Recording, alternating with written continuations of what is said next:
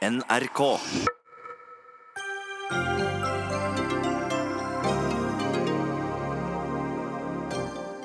Justisministeren fikk kritikk for dårlig beredskap og svarte at det burde være mer betong i veggene hos politiet. Han bagatelliserer og avdramatiserer, mener både riksrevisor og Arbeiderpartiet. Frp svikter de eldre når de igjen får mindre kjøpekraft enn lønnsmottakerne, hevder SVs Audun Lysbakken. Det er pyromanen som kritiserer brannvesenet, er det kontante tilsvar. Tusenvis av kriminelle får omfattende strafferabatt fordi behandlingstiden i straffesaker er for lang og treg. Er det handlingslammelse eller økt saksmengde som er årsaken?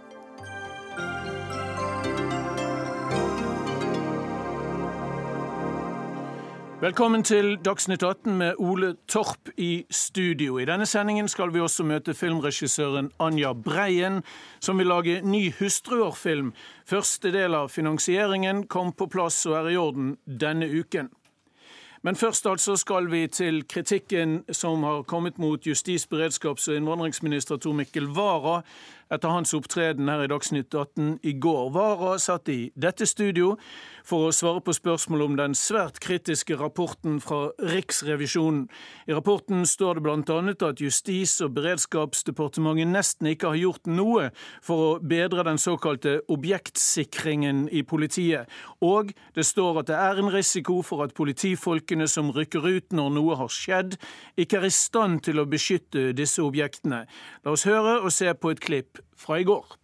Jo, men altså, Dette dreier seg om viktige funksjoner hos politiet som skal beskytte. Det er det som er anklagen mot politiet. Det er ikke den jobben politiet gjør for å beskytte samfunnet. Det er den jobben politiet har gjort for å beskytte seg selv. Og det er jo viktig at politiet fungerer bra også i en krisesituasjon. Vi mener jo at vi er på god vei når det gjelder å beskytte politiet. Men vi skulle gjerne ha gjort litt mer og hadde bygd litt flere bygg med litt tykkere betong. Ja, Per Kristian Foss, riksrevisor, velkommen i studio. Jeg har forstått at du reagerer på det justis- og beredskapsministeren sa her i studio i går. Hva er det særlig du reagerer på? At han snakket om noe annet enn det som står i rapporten. Grunnsikring dreier seg ikke om tykkelsen på betongen for å beskytte politifolk. Det dreier seg om grunnsikring i tilfelle terrorangrep som har vært til stede, slik at sikringsstyrkene kan fungere bedre grunnsikring det er et eh, begrep som man bruker fordi at det, dekker mye. Det dekker alarmsystemer, det dekker gjerder, det dekker i og for seg betongmurer om det trengs. Er det datasentraler, så er det jo eh, helt andre installasjoner. Og noe viktig da er at det alltid er en, eh, et backup, såkalt. En altså slås datasystemet ut, så må man ha en, et, et alternativ. Og det, kan, det, det kan variere. Og dette er i fredstid. Mm. Uh, og det er viktig fordi i tilfelle terrorangrep så må dette være på plass slik at sikringsstyrkene kan rykke ut og vet at, er, at uh, objektet er sikret. Når jeg sier objektet, så er det litt sånn dumt fordi at uh, det virker litt teoretisk. Satt man navn på alle disse stedene, så er det altså uh, fortrolig okay. informasjon, selvfølgelig. Men for å holde dette helt klart, denne rapporten er jeg har den her. Den er todelt. Du kritiserer to departementer, ikke sant? Forsvarsdepartementet og Justis- og beredskapsdepartementet. For én ting, for dårlig sikring av disse såkalte objektene, og for dårlig bruk av sikringsstyrkene. Mm. Ja, heldigvis er det ikke bruk av det, men det er beredskapen og forberede bruken. Forberedende bruk av det. De, og de skal være avtalt på forhånd. Hvem ryker ut først? Eh, hvor lenge blir de stående osv. Hvilke styrker kan disponeres til dette? Det må være avtalt på forhånd. Det er ikke noe man kan improvisere. Det har vi vel lært etter 22.07. At improvisasjon holder ikke. Ordentlig beredskap må være vel forberedt. Derfor ble jo politiet og Forsvaret pålagt dette. Og regjeringen satte jo et, en forskrift som skulle tilsa at det skulle være ferdig alt sammen før 1. Uh, i 1.1.2015. Og det er vår undersøkelse gjelder 17. Det var Stortinget som ba om undersøkelsen. Eh, og den dokumenterer at vi er langt fra både i Forsvaret og politiet både på grunnsikring og på beredskapen på sikringsstyrker. I går I går snakket ikke Wara om, om, sikringsstyrkene her i studio, men det er vel en like alvorlig sak går ut fra som selve eh, objektsikringen, er det ikke det? Jo, og iallfall for en beredskapsminister, som er den konstitusjonelt ansvarlige for beredskapen, eh, så er det viktig. Eh, og det er det rapporten også gjelder. å si at eh, Der har det skjedd noen forbedringer på to år. Eh, de samtaler bedre for politiet og Forsvaret. Det skulle jo i og for seg bare mangle men at ikke det kom på plass. Men de er ennå ikke helt enige om tolkningen av, av uh, forskrift og lov. Og de har ikke kommet langt nok i å si hvilke styrker kan man stille osv. Er du overrasket over at justisministeren ikke tok opp forholdet til sikringsstyrken i går? Ja, tatt i betraktning at han da eh, jo ikke bare er justisminister, men også beredskapsminister, så er det viktig. Men det regner med at Stortinget avklarer om de kommer i gang med sine møter og høringer eventuelt. Mm. For uh, her er det jo eh, justisministeren som også er ansvarlig for sin del. Selv om antallet objekter er atskillig færre på justisområdet enn det er på forsvarsområdet. Okay. Og så er det noen objekter som ikke altså Prinsippet er at objekteier Sikre seg selv. ikke sant? Sikre seg selv, ja. ja. Så i tilfelle Slottet, som ble nevnt i går, så er det altså Slottsforvaltningen og det er til syvende og sist staten som er ansvarlig for den sikringen. Men politiet og Forsvaret må jo vite hvordan den sikringen er, er gjort, fordi at eh, for de skal rykke ut, gjøre, i tilfelle en terrorangrep. Og gjøre en relevant ja. jobb der. Vi inviterte justis- og beredskapsminister Tor Mikkel Wara tilbake til eh, Dagsnytt 18 i, i, kveld, men han valgte da å sende Tor Kleppen Settem istedenfor statssekretær i eh, Justis- og beredskapsdepartementet. Mener du at rapporten fra Riksrevisjonen handler om for lite betong i veggene på politihusene, som Vara brukte som eksempel i går? Det inngår det også. Men la oss eh, først av alt oppklare litt hva vi nå snakker om. fordi eh, både i din spørsmålsstilling og også i riksrevisors kommentar så blir det en litt blanding av det vi snakker om som grunnsikring, som nettopp har med den fysiske evnen til å ivareta sin funksjon. Da, da ser jeg frem til at du klarer opp i det. Og grunnsikring, som altså handler om bruk av både politi, forsvar, styrker for på den måten å sikre et objekt med mannskap. Det er altså to ulike tema. bare sånn at vi jeg kan være med på begge debattene. Jeg kan både være med på den fysiske sikringsdebatten og på den som går på bruk av sikringsstyrker. Som, som altså ikke som også, ble berørt i går. Og da syns jeg både programleder og riksrevisor med fordel kunne ha gjengitt eh, det som eh, Riksrevisjonen faktisk sier om bruk av sikringsstyrke, for det er en ganske positiv omtale. Det sies at det er klare forbedringer. Det sies at det er et langt bedre samarbeid mellom Forsvaret og, politi, eh, og justissektoren. Det står at uh, utpeking av objekt er klargjort, samarbeidsrutinene, bruk av mannskapene er på en helt annen måte enn tidligere avklart. Det står i punkt 3.2 i Riksrevisjonens rapport på en, egentlig en ganske gjennomgående positiv måte. Uten at det er i mål, uten at det er perfekt. Men jeg må jo faktisk si at den biten leste jeg med stor entusiasme og ble nesten, nesten litt glad. men... Men det er, no, eh, men det er vel noe som, som, eh, ikke er på plass også, ikke sant? Ja, og det, det går mer på Det er kanskje det det mest presserende å snakke om? Det er det mest presserende. Men, men jeg syns likevel at vi må jo få lov å ta med også at Riksrevisjonen faktisk er ganske positiv på det grunnleggende utviklingstrekkene. Men vi har et behov for å gå videre, og det betyr bl.a. at vi må få en del klarhet i begrepsbruken, så ikke det oppstår misforståelser mellom forsvar og politi. At ikke det tolkes på gal måte. Altså et arbeid med rett og slett å klargjøre forståelsen av, av regelverket. Og det er et uh, arbeid som uh, nå er planlagt igangsatt, fordi vi har en enighet mellom forsvarssida og justissida om at det er det behov for å hva gjøre. Da, hva er det da riksrevisor etterlyser? At, skal, eh, at det skal være på, på plass dette skulle vært gjort For lengst? For lengst. Altså for tre år siden. Og da er det kanskje ikke så rart at Stortinget er litt misfornøyd med det. Uh, og dere har selv hatt alle muligheter for å gi dere selv lengre frister. Jeg ser at forsvarsministeren skriver, skriver i sitt svar at de fristene som, eller de, de, den forskriften som Stoltenberg satte, den var helt urealistisk. Ja vel, men han har jobbet, han har jobbet etter den i fem år nå.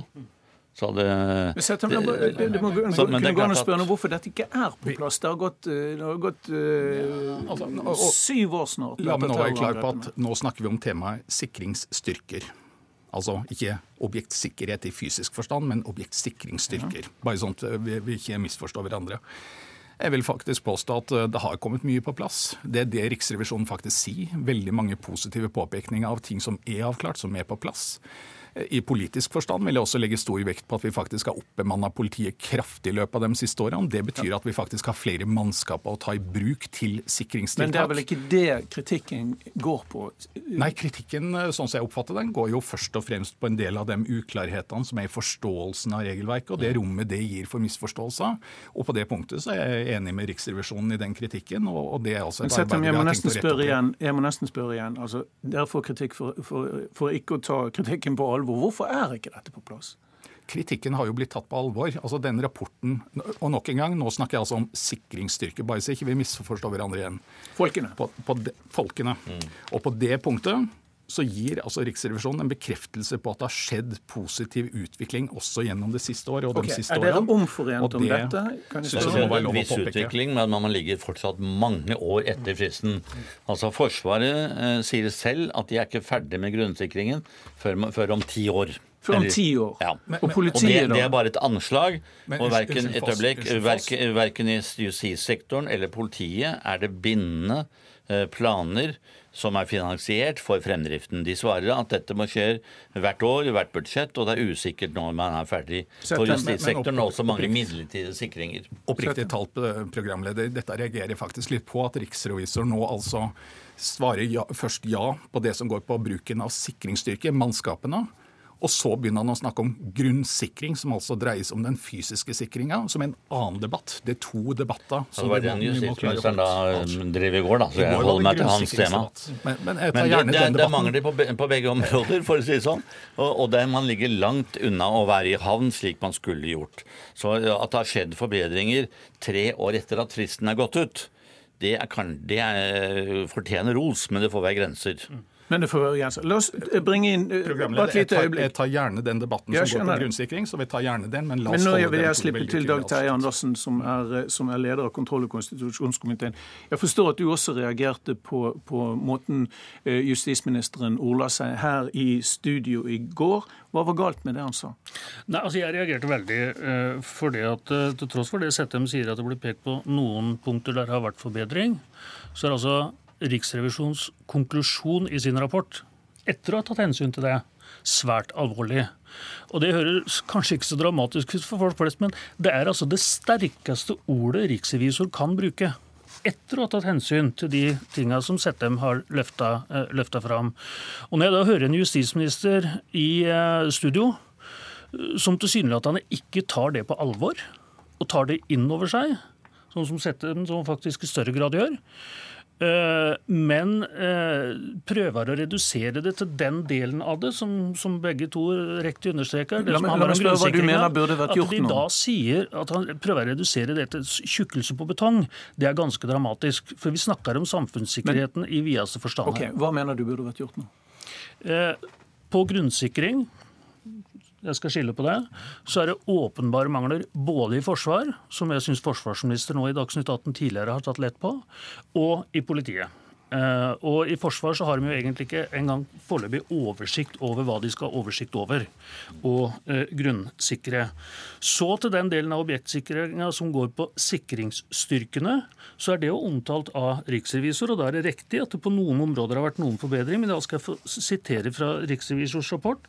Verken Justis- og beredskapsdepartementet eller Politidirektoratet har oversikter som viser politiets kapasitet til å sikre og beskytte objekter. Og da snakker vi ikke bare om å beskytte de egne objektene til politiet. Da er det alle samfunnets sikkerhetsbehovobjekter. Og når, når, når, eh, når, statsråden tar så lett på det som i går, så syns jeg det er veldig alvorlig. Særlig fordi statsministeren faktisk har gitt inntrykk av at nå skulle situasjonen være bedre. Jeg kan si det som programleder. Hvis statsråden velger den innfallsvinkelen han hadde i Dagsnytt 18 i går, når vi skal invitere han til høring i Stortinget, da skaffer han seg et større problem enda enn det han har. Ja, Han skal kanskje drilles litt før han går til høring. Men hva er spørsmålet nå? Fordi nå er vi fortsatt litt i den uklare situasjonen der vi snakker enten sikringsstyrke eller grunnsikring. Nei, du kan gjerne oppklare dette. Jeg syns det begynner å bli ganske klart. Ja. Så, ja, altså, jeg, det, hva ikke, ja, tror i hvert fall vi har hatt godt av å få en oppklaring i, i de to ulike temaene, fordi det er ganske viktig. Eh, jeg sier nok en gang, eh, vi har jo absolutt ugjorte ting, men jeg syns altså vi også skal glede oss over at Riksrevisjonen kan slå fast at vi på sikringsstyrker har gått Dette har du sagt nå flere ganger, men tar du inn, skal, skal går det an å spørre om Justisdepartementet tar inn over seg ja, jo... den kritikken, den meget skarpe kritikken som er kommet det, fra ja. Riksrevisjonen? Og så er det spørsmålet som gjenstår til stadighet. Hva skjer nå? Ja, og da på det første du spør om, så er jo det bekrefta gjennom det brevet som bl.a. gikk fra justisministeren til Riksrevisjonen, der det jo bekreftes at ja, dette er alvorlig. Og vi aksepterer faktisk den kritikken som Riksrevisjonen kommer med. Det er altså ikke en uenighet om virkelighetsbeskrivelsen.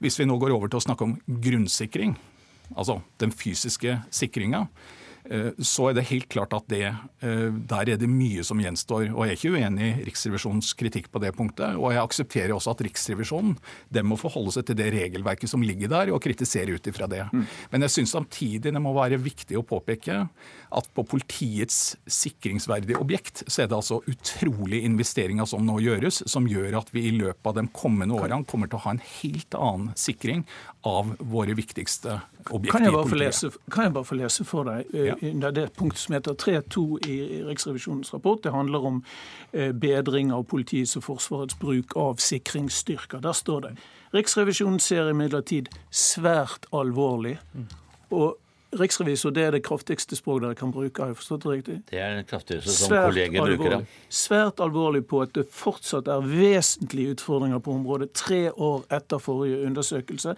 og det gjenstår mye før Stortingets vedtak og forutsetninger er oppfylt. Manglende avklaring av politiets og Forsvarets kapasitet medfører at det fortsatt er risiko for at politiet og Heimevernet ikke vil være i stand til å sikre og beskytte objekter ved bruk av sikringsstyrker. Kan det bli mer alvorlig? Og jeg, jeg, tar jo til de grader på alvor den kritikken som kommer. Det bekreftes også gjennom det brevet som justisministeren har sendt til, eh, til Riksrevisjonen som respons på det. Men jeg understreker nok en gang, på det punktet er det altså veldig mange fremskritt. Når det gjelder objektsikring, altså den fysiske biten, ikke mannskapsbiten, men den fysiske biten, så gjøres det kolossale investeringer gjennom eh, bl.a. et beredskapssenter som jo vil sikre fire av våre nasjonale det snakket, beredskapsressurser. Det snakket statsråden ja. omhyggelig om i går, men da får det virker som det er de andre satsingene som gjøres. Du er her for å oppklare dette, og, mitt spørsmål handler stadig om disse sikringsstyrkene som hvor okay, det åpenbart er store hull? Eller har vi tatt feil i det? Det, det, er hull der, og det er selvfølgelig alvorlig når det mangler i så måte. Men det er altså gjort et veldig stort arbeid for å klargjøre hvilke objekt det handler om, hvilken håndtering en har, hvilke ressurser en har. Det har jo også vært store fremskritt. Og så aksepterer jeg selvfølgelig at eh, det fortsatt fins mangler, og det er det jo ingenting annet å gjøre enn å fortsette å sørge for å tette okay. de hullene. Og det går spesielt på det som jeg oppfatter går på avklaring der det kan bli misforståelser mellom Forsvaret og justissektoren på forståelsen av begrepsbruk. Og det må det ryddes opp i, og det vi skjønt enige mellom departementene om at vi også skal gjøre på bakgrunn av og så har jeg en oppklaring. Til, til, dette sa man også i Stortingets åpne høring i fjor. Så det, det, det, er bra med intensjon, men det er viktigere å gjøre det. Altså Man sa at man skulle avklare samarbeidet, og fortsatt er det, er det store uavklarte punkter. Så jeg er ikke imponert over når det gjentas ett år etterpå. Det er uavklarte punkt, men det, det har jo f.eks. kommet på plass en bistandsinstruks som har en veldig stor betydning for den faktiske håndteringa for samarbeidet mellom politi og forsvar om sikring. Så, så, det gjøres altså en del grep som går i riktig retning, men jeg aksepterer og forstår også den kritikken. Kan du også si om, det, om, om, om, dette arbeidet nå akselereres på noen måte etter Riksrevisjonens rapport? Den avklaringen som går på forståelsen av begrepsbruken osv., den igangsettes umiddelbart. Ja. Umiddelbart. Dag Terje Andersen, jeg har også et spørsmål til deg, til en slags oppklaring. Din partikollega Lene Vågslid kritiserte i spørretimen eh, onsdag Tor Mikkel Wara for at regjeringen ikke hadde gjort nok for å sikre objekter objekter generelt, mente hun da bygninger og institusjoner som Slottet, Stortinget, NRK etc.? Nei.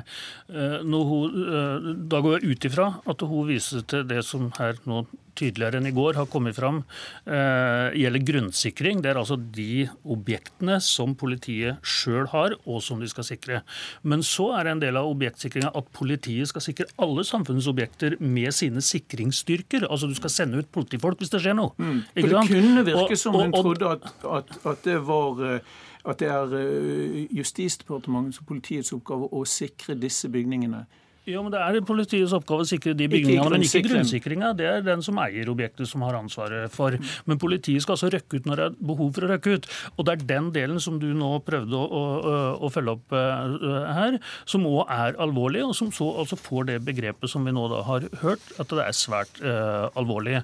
Og Det som er spesielt alvorlig med det, programleder, er at det var en grundig behandling i fjor uh, av rapporten som da var i fortid. og daværende justisminister statsminister, så ble det nettopp sagt at dette var et tidsbilde. Men i dag er det mye bedre. Så sa altså Stortinget ja vel, da skal vi sjekke, be Riksrevisjonen å sjekke åssen er situasjonen i dag. Og så kommer det altså fram, og det er politisk alvorlig, at det regjeringa har sagt at det har vært betydelige forbedringer, det viser altså Riksrevisjonens rapport fremdeles er for, for svakt. Så det her er altså ikke å følge opp eh, Stortingets eh, vedtak i det hele tatt. Og det er til og med altså å gi inntrykk av okay. at en har fulgt opp i større grad enn det en har gjort. Men programleder, og, og jeg tar jo til de grader Riksrevisjonens rapport på alvor, det har jeg sagt mange ganger. Men det hjelper heller ikke å gjøre vedtak om bruk av sikringsstyrker hvis ikke de sikringsstyrkene finnes. Og det har faktisk vært en av de viktigste satsingene de siste årene. Økt politibemanning, 50% styrking av beredskapstroppen, styrking av de skarpeste uh, trente troppene i og, politidistriktene, innsatsen på andre områder for nettopp å bidra til at vi har ressursene til å, å, ta i bruk. Og løftet om at det nå intensiveres. Jeg, jeg, nei, eh, beklager, vi er, eh, vi er ferdig med tiden. der. Dag Terje Andersen, tusen takk for at du kom. Tor Kleppen Settem i i eh, Justisdepartementet, og eh, eh, riksrevisor Per Christian Foss. Tusen takk for at dere kom. Dagsnytt 18 alle hverdager kl 18.00 på NRK P2 og NRK2. Mange pensjonister er provosert over at de for fjerde år på rad får svekket kjøpekraft. Pensjonistforbundet med omkring 240 eh, 000 medlemmer nå har akkurat avsluttet sitt landsmøte og ber politikerne slutte å krangle om hvem som har skylden, og heller fjerne den såkalte underreguleringen av pensjonen. De to partiene som krangler mest, er Fremskrittspartiet og SV. Og Audun Lysbakken, eh, leder i SV og stortingsrepresentant, velkommen hit. Tusen takk. Eh, du og SV har sagt at begrepet eldrepartiet om Frp er en bløff. Hvorfor det? Fordi de har vist seg å være et eliteparti istedenfor. Det er altså nå fjerde år på rad at pensjonister flest får mindre å leve av. Og det skjer samtidig som det er full fest for den økonomiske eliten i landet. Og det viser hvordan Fremskrittspartiet ved makten faktisk prioriterer. På toppen av det hele så har de altså valgt å gå bort fra den gamle ordningen der trygdeoppgjørene ble behandlet i Stortinget, sånn at de unndrar denne viktige beslutningen fra en ordentlig politisk behandling. Og på toppen av det igjen så er de systematisk nektet å stille til debatt. De sa nei til å komme på Pensjonistforbundet sitt landsmøte. Jeg har bedt om denne debatten med Frp nå i to uker. Ingen har turt å stille. Og det viser jo veldig tydelig at Fremskrittspartiet sjøl syns de har en dårlig sak. Mm. Men vi tør nå for Erlend Wiborg fra Fremskrittspartiet, som også er leder av arbeids- og sosialkomiteen, er med oss på linje fra Fredrikstad. Er du ikke det, Wiborg? Det stemmer. Flott. Eh, la meg få din umiddelbare reaksjon da på SVs utspill, for dere har tenkt på den i 14 dager eller noe sånt. Nei, For det første syns jeg det er en urimelig eh, kritikk, og det blir litt som en eh, pyroman som kritiserer brannvesenet for at man slukker de brannene som har oppstått. Jeg tror det er viktig å ta med historien her.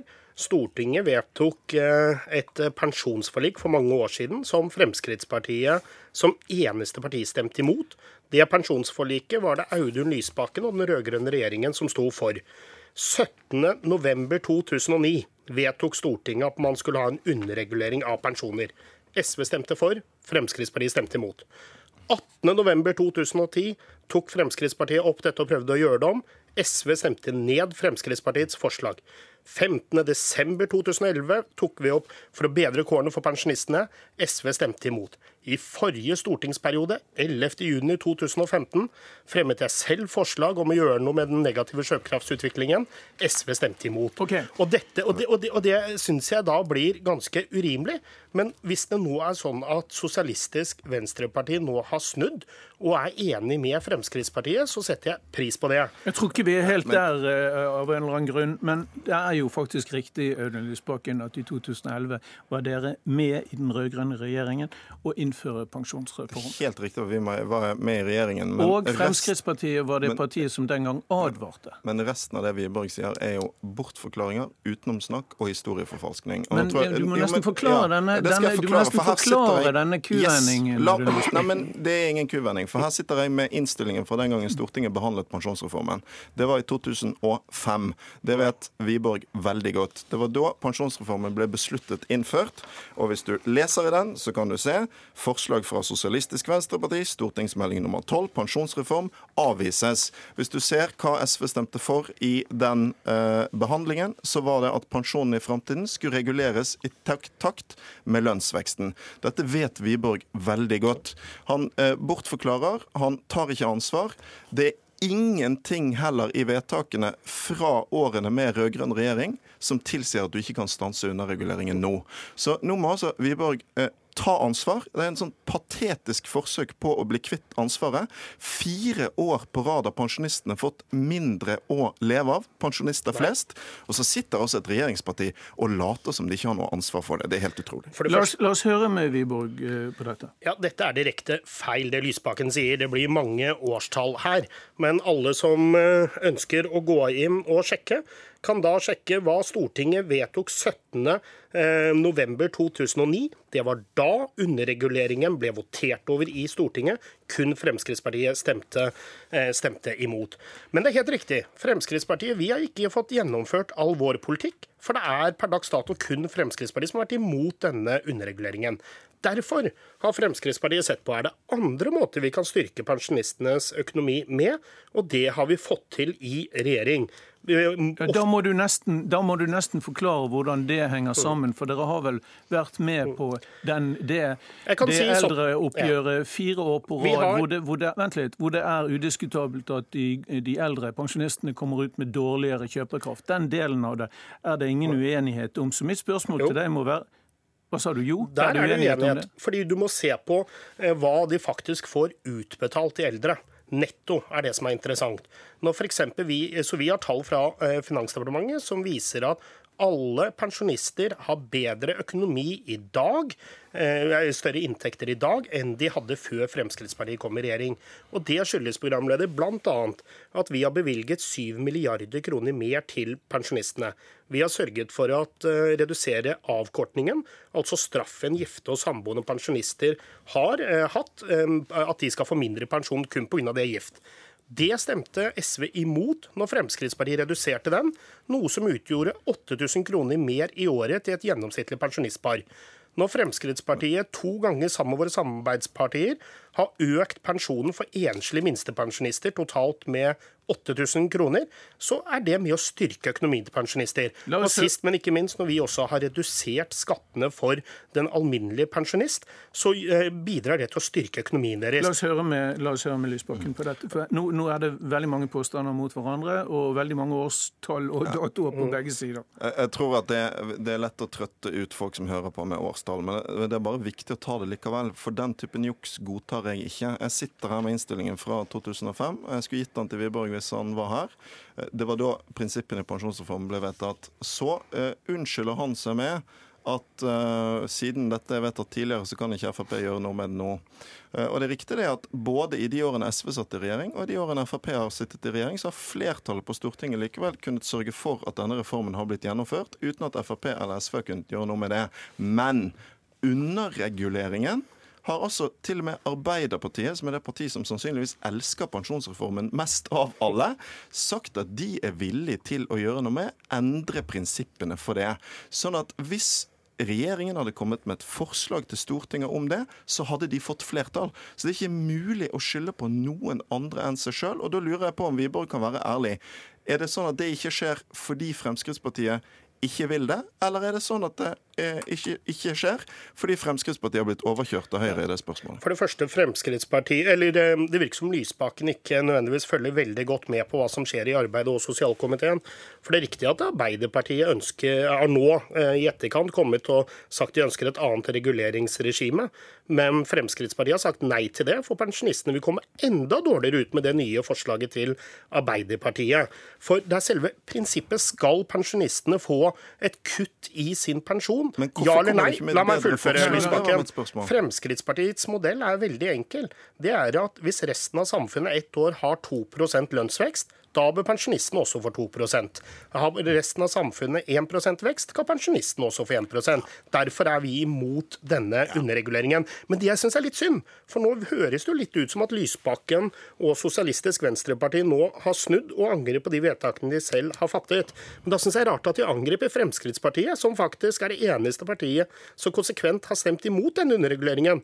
La oss heller kjempe sammen, prøve å overtale flere politiske partier, sånn at vi faktisk kan få gjort noe med denne uverdige behandlingen av landets eldre. Wiborg, eh, hvis jeg ikke tar feil, så sent som i fjor høst stemte dere sammen med, sammen med eh, Høyre, KrF og Venstre mot et forslag om at trygdeoppgjøret skulle legges frem som egen sak eh, for Stortinget.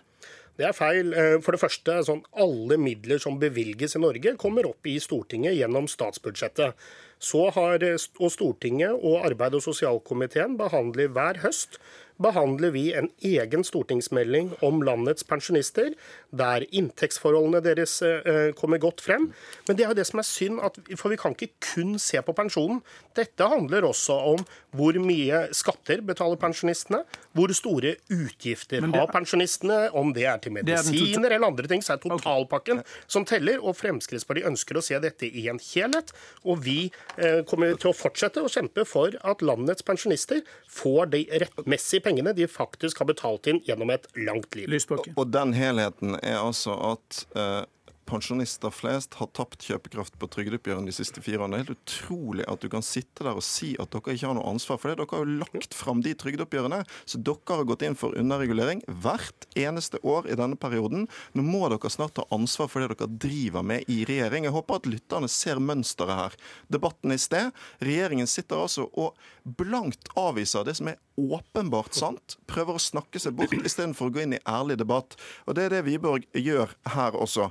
Frp avviser eh, forslag om forhandlingsrett, som kunne vært brukt av pensjonistene også til å få en mer rettferdig fordeling. Nei. De unnskylder seg med skatteforslag som altså jo ha- kom der de pensjonistene som har mest, kommer best et ut. spørsmål? Også, Nei, Eh, nei, mine herrer, vi har ikke tid gjerne- lenger gjerne- til å stille For det var Lysbakken som fjernet. Forhandlingsretten for landets pensjonister. Det var Audun Lysbakken som gjorde det. En siste utfordring til Wiborg.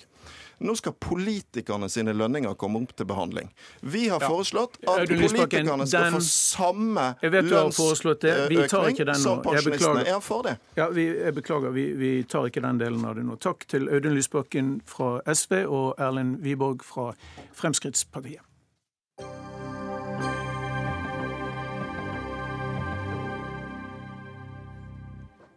Det var en filmserie helt utenom det vanlige. I 1975, i FNs internasjonale kvinneår, laget Anja Breien den kvinnepolitiske dramakomedien 'Hustruer', som både morsomt og infamt satte skarpt søkelys på kvinners plass i Norge.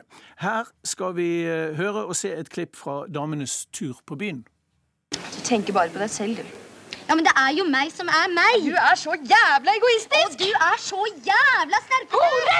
De bortskjemte advokatturpene! Gå hjem til mora di, da! Unnskyld, vi kunne fått trepils. Nok? Ja, vi, vi har så vidt begynt, vi. Ja, Fortsetter dere på denne måten, så må dere forlate restauranten. Ja, og Midt på 80-tallet og midt på 90-tallet fulgte to nye hustruer-filmer.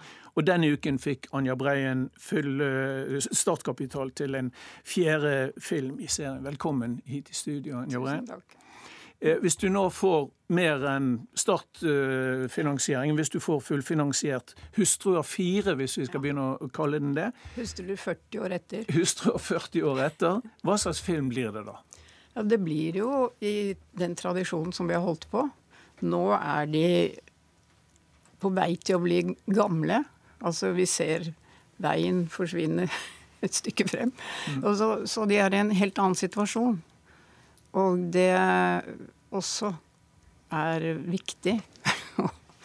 og det blir også en morsom film. Ja. Ja, for det var jo det den gangen. Morsom og alvorlig. Ja, Det var derfor jeg sa Ja. Dramakomedie, nesten. Eh, Vi lever jo i en tid hvor, hvor det er eh, altså Fokus på kvinner forandrer seg jo litt Ja. gjennom tidene, selv om en god del eh, ting er, er bestandig. Men det er et ekstremt eh, kjønns- og kroppsfokus nå. Vi har hatt metoo. Eh, Vi diskuterer fremdeles likelønn.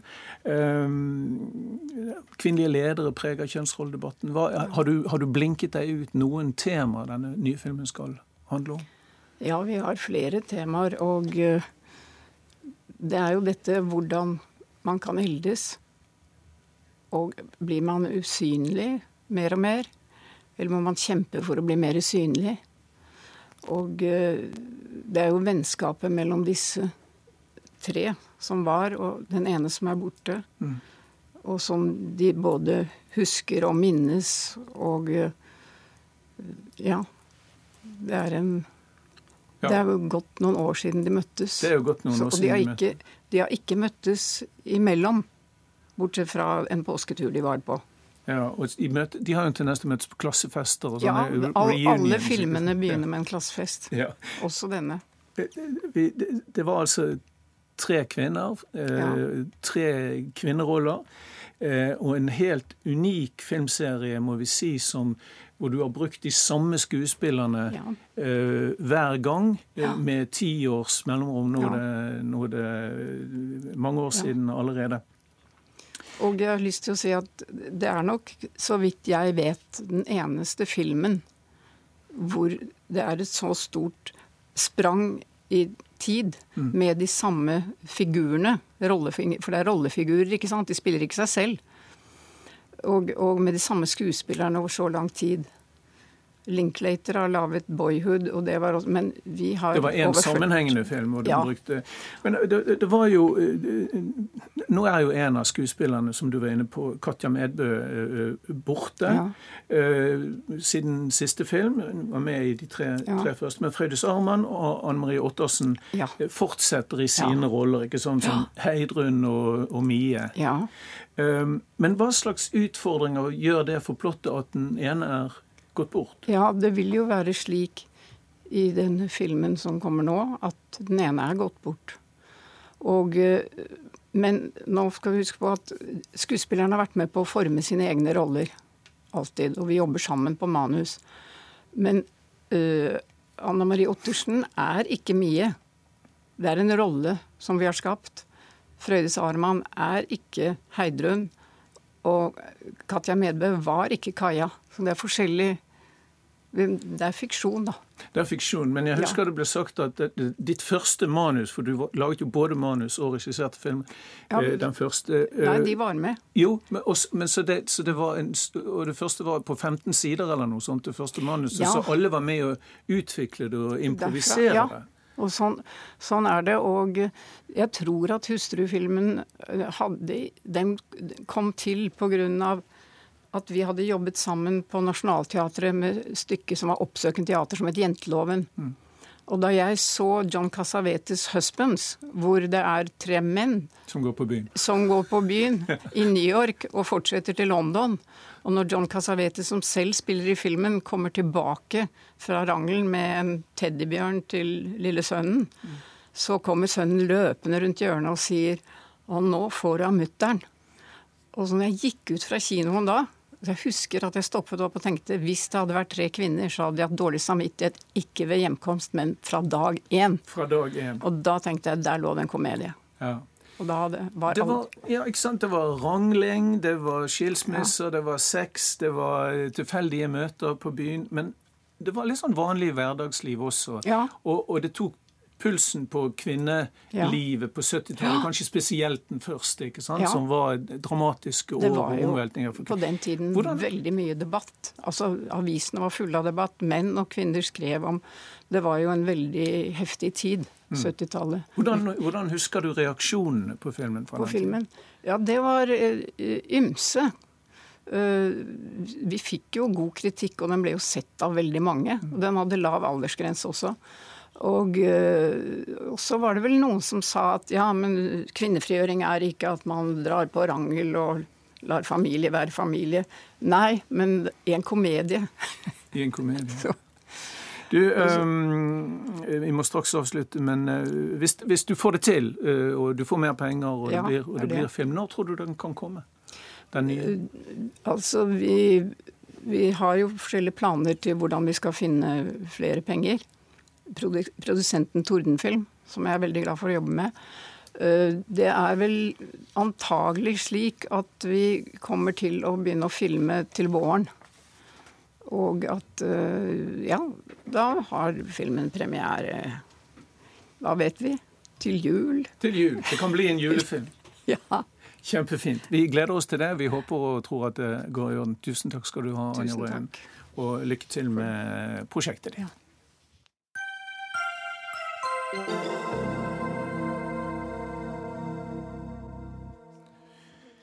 Ja, vi skal eh, fortsette med kvinnesaker. Flere enn åtte av ti eh, kvinner i Norge opplever en eller annen form for skade i underlivet når de føder.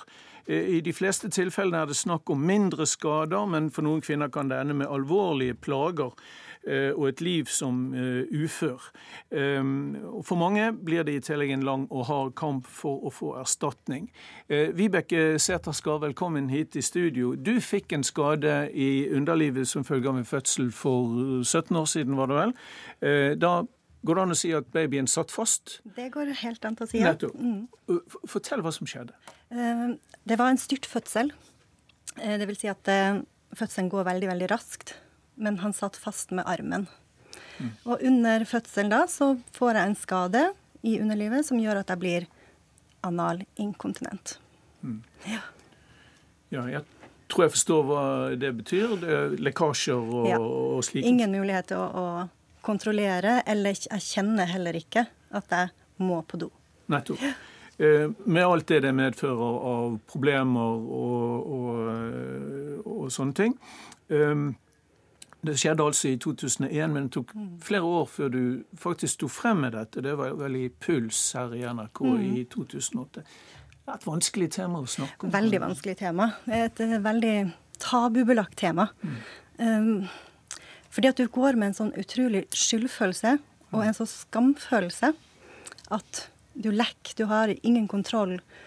Eh, du mister nesten den sånn selvfølelsen av at, at du er en ja, du, du isolerer deg. Du vil ikke utsette deg sjøl for et uhell ute i butikken eller ja. i barnehagen. Altså uansett. Ubehagelig, for å, si det, for å si det, veldig mye. Veldig, veldig ubehagelig. Du kjempet lenge for å få erstatning ja. vet jeg, for, gjennom pasientskadeordningen. Ja. Eh, hvordan har du opplevd hjelpen og støtten du har fått fra, fra helsevesenet i etterkant? Ja fra helsevesenet, fra leger, som så har jeg fått veldig god forståelse, og de har hjulpet mye. Det som er vanskelig, det er at uh, når du søker erstatning, så går de ut ifra og sier at en fødsel er jo noe du sjøl har valgt. Det er jo et frivillig valg å føde. Mm. Og at en fødsel er en naturlig ting. Så enhver skade som kommer av en fødsel, det er fødselen i seg sjøl som er skyld. Og dermed så har du ikke krav på erstatning. Du har, du har, på en måte utsatt deg for, ja. Eh, for å bli grafier. Ja. Jeg må snakke litt med mm. Katarina Laine, som er eh, eh, avdeling for helseledelse og helseøkonomi. Ikke sant, På Universitetet i Oslo. Overlege. Overlege i Oslo universitetssykehus, ja. ja. Eh, det var altså i fjor snakk om i underkant av 800 alvorlige eh, slike eh, fødselsskader. Eh, hvor, hvor, stor del av fødende kvinner i Norge er det egentlig snakk om? Det er nå under 2% så vi har jo redusert disse skadene veldig mye i Norge de siste 15 årene. Eh, vi begynte med 2000 kvinner fikk denne skaden. Og så har vi jobbet med i fødselshjelpen at vi forløser skånsomt, sånn at færre får denne skaden. Så vi kan altså ikke si at det er veldig mange, men for dem det gjelder, kan det være svært ubehagelig og forbundet med store problemer. Ja, det er nok 800 kvinner, så det er jo 800 individer. Jo, jo. Det... Og, ja. og så, så det er jo sånn at Selv om skadene har blitt færre, altså færre kvinner som skades, så trøster jo ikke det den enkelte individen som får denne skaden og alle disse plagene. Det forstår jeg også. Mm. De siste årene, hvis jeg har lest dette riktig, har 552 kvinner søkt pasientskadeerstatning for fødselsskader. 71% har fått avslag. Hvorfor er reglene så strenge for å få, for å få slik erstatning? Altså 550 kvinner som har søkt erstatning, det er sikkert mange ulike ting de har søkt erstatning for. Men um, pasient... Det er vanskelig å få erstatning ja, for? Liksom. Det, det er naturligvis. Uh, Norsk pasientskadeerstatning innvilger erstatning hvis det har skjedd en feil, hvis man kan vise at det har skjedd en feil i behandlingen. Men man kan også få erstatning hvis skaden som har oppstått, sånn som f.eks. under en, en, fødsel som i utgangspunktet vi vil anse å ha en mm. normal hendelse i livet. Mm. Hvis man får en så stor skade som gir betydelige plager og langvarige plager, sånn som Vibeke fortalte oss, ja. så kan man innvilge uh, erstatning selv om man, det har ikke skjedd en behandlingsfeil. Så det, det går an å, å, tolke disse mulighetene. Det går an å tolke det. Ja. Jeg vil gjerne snakke med Sveinung Steinsland, som er eh, stortingsrepresentant for, eh, for Høyre og eh, sitter i helse- og omsorgskomiteen. Steinsland, du hørte Vibeke Sætherskar her måtte kjempe i mange år før hun fikk pasientskadeerstatning. Det er vel ikke bra nok at folk skal måtte streve så lenge? Dessverre så er det jo sånn at det har vært stor kø generelt for å få behandla sin sak hos Norsk pasienterstatning, og det er noe som, som det jobbes med. De har bl.a. Eh, flytta lokasjon. De har flytta fra Oslo til Bergen, og det har gjort at ting har dratt litt ut. Men nå ser vi at den behandlingstida generelt er på vei ned. Eh, når det gjelder disse skadene her, så er det som, som legen her er inne på, eh, litt kompliserende. Fordi Norsk pasienterstatning de ser jo på skader som har skjedd etter at noe har gått galt i behandlingen. Mens her er det jo, her er det jo ting som skjer av og til i, som en normal del av en fødsel. Men er regelverket, at, er regelverket for rigid? Ja, Det var akkurat det jeg skulle til å si. at jeg, jeg, mener det er grunn til å se på hvordan dette tolkes. For det er rom for dette. og Det er ikke sikkert vi trenger engang å endre regelverket. i alle fall i de mest opplagte tilfellene, når en blir tilnærmet invalidisert av noe som utgangspunktet er en normal del av en kvinnes liv, nemlig å, å føde barn, eh, da må det være grunn for å se på om dette tolkes for strengt. Okay, La oss høre med, Kjersti, la oss høre med Kjersti Toppe også, som er stortingsrepresentant i din samme komité, helse og omsorg, eh, og er for Senterpartiet, og med oss fra Bergen, Kjersti Toppe. Eh, hva synes du om at kvinner som, som Vibeke Sætherskar må, må, kjempe for, eh, for uh, erstatning så lenge? Mm. Jeg reagerer jo på, på, det, at det er jo altfor mange kvinner som uh, opplever det samme som hun, og uh, at uh, pasientskadeloven ikke omfavner denne type situasjoner. Da. Det syns jeg er urimelig. For det er det at de får høre at det er frivillig å føde, det er en kjent risiko ved fødsel. Altså, det holder jo ikke når en risikerer å bli ufør. Så jeg òg tenker jo at her må vi Altså den unntaksregelen som finnes i pasientskadeloven i dag, med at dersom en ikke får eh, en eh, Altså det har ikke skjedd en Eller kan ikke dokumenteres en eh, svikt ved helsehjelp, men at en allikevel kan få erstatningsansvar fordi at det som har skjedd, er en så stor skade og en så uventa skade, og det er langt ut forbi det en kan forvente skal skje, eller som er, en risiko ved en, en fødsel. Eh, og da eh, tenker jeg at eh, vi politisk må se på praktiseringen av lovverket i dag. Ok, så, så, slik du ser det, så er det tolkningen av regelverket og ikke så mye regelverket i seg selv som er problemet? Ja, eh, jeg tenker at eh, sånn som jeg leser lova, eh, så er det en mulighet i dag. Det står jo at det er et unntaks, altså det kan brukes ved unntakstilfeller. Da. Men vi kan òg vurdere om vi må hjemle dette her til en, en annen type lovverk. Det kan vi òg diskutere. Men jeg tenker Først og fremst så må vi se på muligheten for å bruke denne unntaksregelen mer, og kanskje òg hjemle dette her i forskrift eller hva som helst. For, for jeg mener at det er uakseptabelt at en ikke får har du tatt dette opp med, Kjersti Toppe, har du tatt dette opp med statsråden? Ja, jeg har sendt et uh, såkalt skriftlig spørsmål til statsråden i dag, der jeg ber han om å vurdere akkurat uh, dette her. Nettopp. Eh, fordi at det er slik at kvinner ikke skal hvis, hvis, det finnes en alternativ behandling, så kan man få erstatning. Og hvis, den, og hvis skaden er, og problemet er større enn det hun hadde grunn til å tro, så kan det utløse erstatning. Det er slike ting. ikke sant? Mm. Jeg har lyst til å spørre Sveinung Steinsland, for jeg vet at Jordmorforeningen flere ganger har sagt at et av problemene her når skaden skjer, selvfølgelig, er at det er for lav grunnbemanning på fødeavdelingene på sykehuset, og at jordmødrene har for mye å gjøre. Og at mange kommuner eh, mangler eh, kommunal Eller flere kommuner mangler kommunal eh, jordmortjeneste. Hva kan gjøres med det, og er du, er du enig i at det er en del av problemet? Eh, jeg er enig i at det er behov for flere jordmødre i Norge, men eh, en må også se på et par ting her. Først av alt så har det vært en halvering i denne type skader. og Det er jo det aller viktigste, at skadene går ned. Altså Siden 2005 så har det vært en halvering.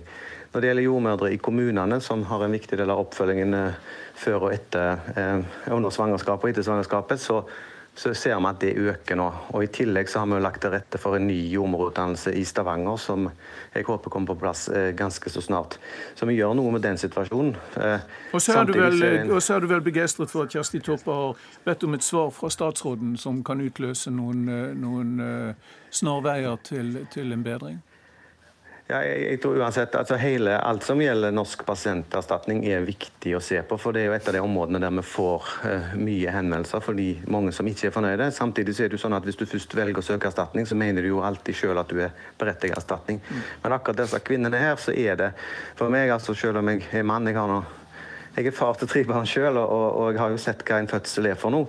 Jeg klarer ikke å tenke meg eh, altså Det må jo være en helt forferdelig situasjon å komme i og føde et barn, og så i tillegg bli skadd. og Det gjør det jo vanskelig for, du, for den nye familien. Av det, av det utleder jeg at du, at du støtter Kjersti Toppes uh, krav til statsråden, da? Ja, jeg har ikke noe krav, men jeg ser, altså jeg er ikke, jeg er ikke enig i at vi nødvendigvis må endre noe i forskrift eller lov, men, men, at det kan være noe med praktiseringen som er for strengt, det er vi nok enige om. Vibeke Sæterskår, da du sto frem, fikk du vel noen reaksjoner eh, fra andre kvinner, eh, kanskje? Å ja, mange. Mange? Ja. Det er mange kvinner som de takker for at man står fram, forteller historien sin. De eh, har jo så å si like historier sjøl, og det er nesten skremmende hvor likt. Hva tror du er det aller viktigste, hvis du kan si det kort, som skal til for å hindre at flere kvinner skal oppleve det som du opplevde? Tenker du da på erstatninga eller på skaden? Jeg tenker på erstatningen, ja. for skaden kan vel ja, eh, ja. ja det jeg tenker det er, det er ja, ikke sant? Jeg tenker det som blir sagt her, at det, det må brukes den om pasienten har kommet særskilt uheldig ut, mm. den må brukes. Og det er den de må sette erstatninga etter.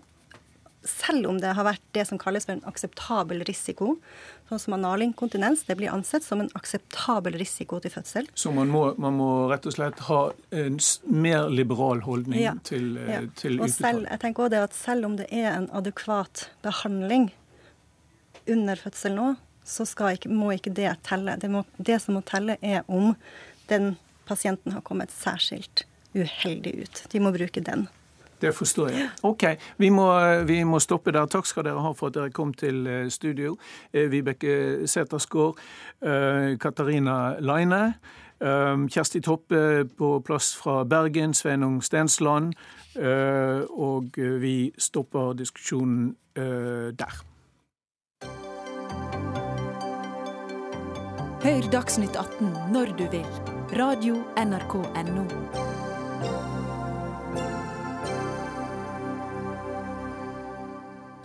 Må det en holdningsendring til i politi- og eh, rettsvesenet? Lederen av forsvarsgruppen i Advokatforeningen mener det, etter at NRK undersøkte domsavsigelser i ti forskjellige norske tingretter og fant at antagelig tusenvis av kriminelle får rabatt på straffen sin eh, fordi saken deres er blitt liggende for lenge. I mer enn hver femte straffesak blir det gitt slik rabatt pga. lang liggetid, hvis man kan kalle det det, for eh, sakene. Marius Ditriksson, det er du som er leder for forsvarergruppen i Advokatforeningen. Eh, hva mener du at eh, denne lange behandlingstiden skyldes? Ja, Den tradisjonelle forklaringen og helt klart en viktig årsak er eh, ressursspørsmål, penge, pengespørsmål. Eh, det er spørsmål om er det tilstrekkelig nok politifolk til å behandle saken. Er det nok dommere, og har advokatene som skal håndtere saken, har de nok tid og anledning til å føre sakene innen rimelig tid. Det er en svært sånn viktig, viktig årsak eh, i dette, men det er helt klart ikke der hele årsaken ligger. Eh, går vi til våre omkringliggende land, ta Sverige, ta Danmark, eh, hvor en, det er et klart inntrykk av at ting går betydelig raskere. Um, så, så, er det jo ikke slik at de der har mer penger. At politiet der får mer ressurser. Uh, så jeg tror det man kan lønne seg å tenke at det er andre årsaker enn Hvilke årsaker tenker du på? Ja, altså, Ta f.eks. Sverige. Hvis vi har en internasjonal sak med, med svensk-norsk liga. Lenge før vi nærmer oss tingretten for pådømmelse her, ja, så er den ferdig pådømt i Sverige. I Danmark Alle kjenner jo Madsen-saken, denne ubåtoppfinneren som drepte en journalist i ja, Det gikk kjempefort. Han gjorde det i august. I mars-april var han dømt. I Norge, da han sittet i varetekt, fulle restriksjoner, hadde ikke sett, inn, sett mm. snurten av en tiltale. Men la oss ta det norske. Det, sånn? du, det har vært antydet at det er et holdningsproblem her, har det ikke det? Jo, jeg, jeg, tror det. Jeg tror det er ting tar tid-syndromet. Det tror jeg har rammet oss alle. Eh, politi og sikkert advokater, og også dommere. Jeg tror det er rammet systemet ganske hardt. Eh, og det nytter ikke, tror jeg, bare å pøse på med penger. Her må man ha en holdning til Og jeg kan godt, godt ta et eksempel på hvor holdning virkelig er helt avgjørende. Eh, man har i Oslo tingrett eh, lansert noe som heter Hurtigsporprosjektet, hvor enkelte saker tas ut. Før gikk de i det alminnelige systemet. Det kunne gå måneder før helt enkle saker ble avgjort. Nå, i et hurtigsporprosjekt, så går det kanskje toppen 14 dager. Og den eneste forskjellen, for regelverket er likt nå i hurtigsporprosjektet som det er alminnelig. Alt er likt. Det eneste forskjellen er at alle aktører som går inn i dette, forplikter seg til å behandle saken rettssikkert, men fort. Men fort. Det er den eneste forskjellen. Vi må høre så, med... Jeg, skjønner. Vi må høre med Terje Nybø som er førstestatsadvokat uh, hos Riksadvokatembetet. Disse holdningene som advokat Didriksson snakker om. Hva slags holdninger er det? Er det slapphet, dovenskap, manglende kunnskap, eh, ting tar tid, som han sa, eller hva er det? Ja, det er klart at eh, ting tar tid, det er helt riktig. Men jeg tror nok akkurat det der med at det med holdninger, der tror jeg nok vi må reservere oss litt. For det at holdningene våre det at vi ønsker at dette skal gå veldig veldig fort. Og Der er vi helt enige med advokat Ditriksson. Altså, det er ikke bra at det blir strafferabatt i så mange saker. Hvorfor går det ikke fortere da? Nei, Det er mange grunner til det. Og det er bl.a. det at kriminaliteten den eh, endrer seg veldig også. Den tradisjonelle vinningskriminaliteten eh, f.eks. Den forsvinner. Eh, kriminaliteten er mye mer kompleks. Den skjer over landegrensene. Det er mye mer digitalt. Bevissikring, etterforskning tar mye lengre tid i dag enn den gjorde tidligere. Men her snakkes det også om saker som er relativt enkle å oppklare. Til og med saker som har vært oppklart første førstestatsadvokat. Det er menn som blir dømt for ransforsøk, drapstrusler og seksuell omgang med mindreårig, som får straffen redusert med en tredjedel, og, og store deler av den ble omgjort til betinget fengsel fordi det var passivitet fra politi og påtalemyndighet. Alle saker er ikke så komplekse at de går digitalt over landegrensene. Noen er relativt opplagt. Og når de får strafferabatt pga. sendrektighet i politiet eller i rettsvesenet, så utfordrer vel det den alminnelige manns rettsoppfatning? Det er helt riktig, og det jobber vi veldig mye med for å motvirke på mange, mange plan. Og jeg vil bare si det i forhold til kompleksiteten og hvordan eh, eh, kriminaliteten utvikler seg. Vi har sett en formidabel økning i seksualforbrytelser, f.eks. Siden 2014 eh, nå Har vi 102 økning i seksualforbrytelser. Og det er saker som er ekstremt krevende å etterforske. Vi har saker med flere hundre fornærmede, også over landegrensene. Dette er utfordrende for oss, eh, og det skaper eh, ressursproblemer. Vi hørte nettopp advokat som sier at i Danmark og Sverige får de selv de mest groteske saker opp for retten i løpet av et par måneder. Ja, men det der bildet må nyanseres også. Vi hadde Anders Behring Breivik-saken her med en rettskraftig dom etter 13 måneder. Og eh, Bildet i Sverige og Danmark er ikke sånn. De har hatt noen gode eksempler på saker som har gått veldig fort, men det totale bildet det må nyanseres. De er ikke så forferdelig annerledes enn oss. Mm, vi, vi, tiden flyr for oss på slutten av sendingen. Jeg må bare spørre Ditriksson. Eh, mener du at politijuristene tar ikke forbrytelsene alvorlig nok? Jo, disse tar det absolutt alvorlig, og de går inn i dette med aller beste, aller beste holdning til dette. Men det skal gå fort. Men det er en forståelse som har bredd om seg, som jeg tror har rammet oss alle, om at ting tar tid. Og den forståelsen tror jeg har fått for stor fotfeste. Der må vi avslutte Dagsnytt 18 for i dag. Ansvarlig for sendingen var Arnhild Myklebust, Lisbeth Sellereite og i studio Ole Torp.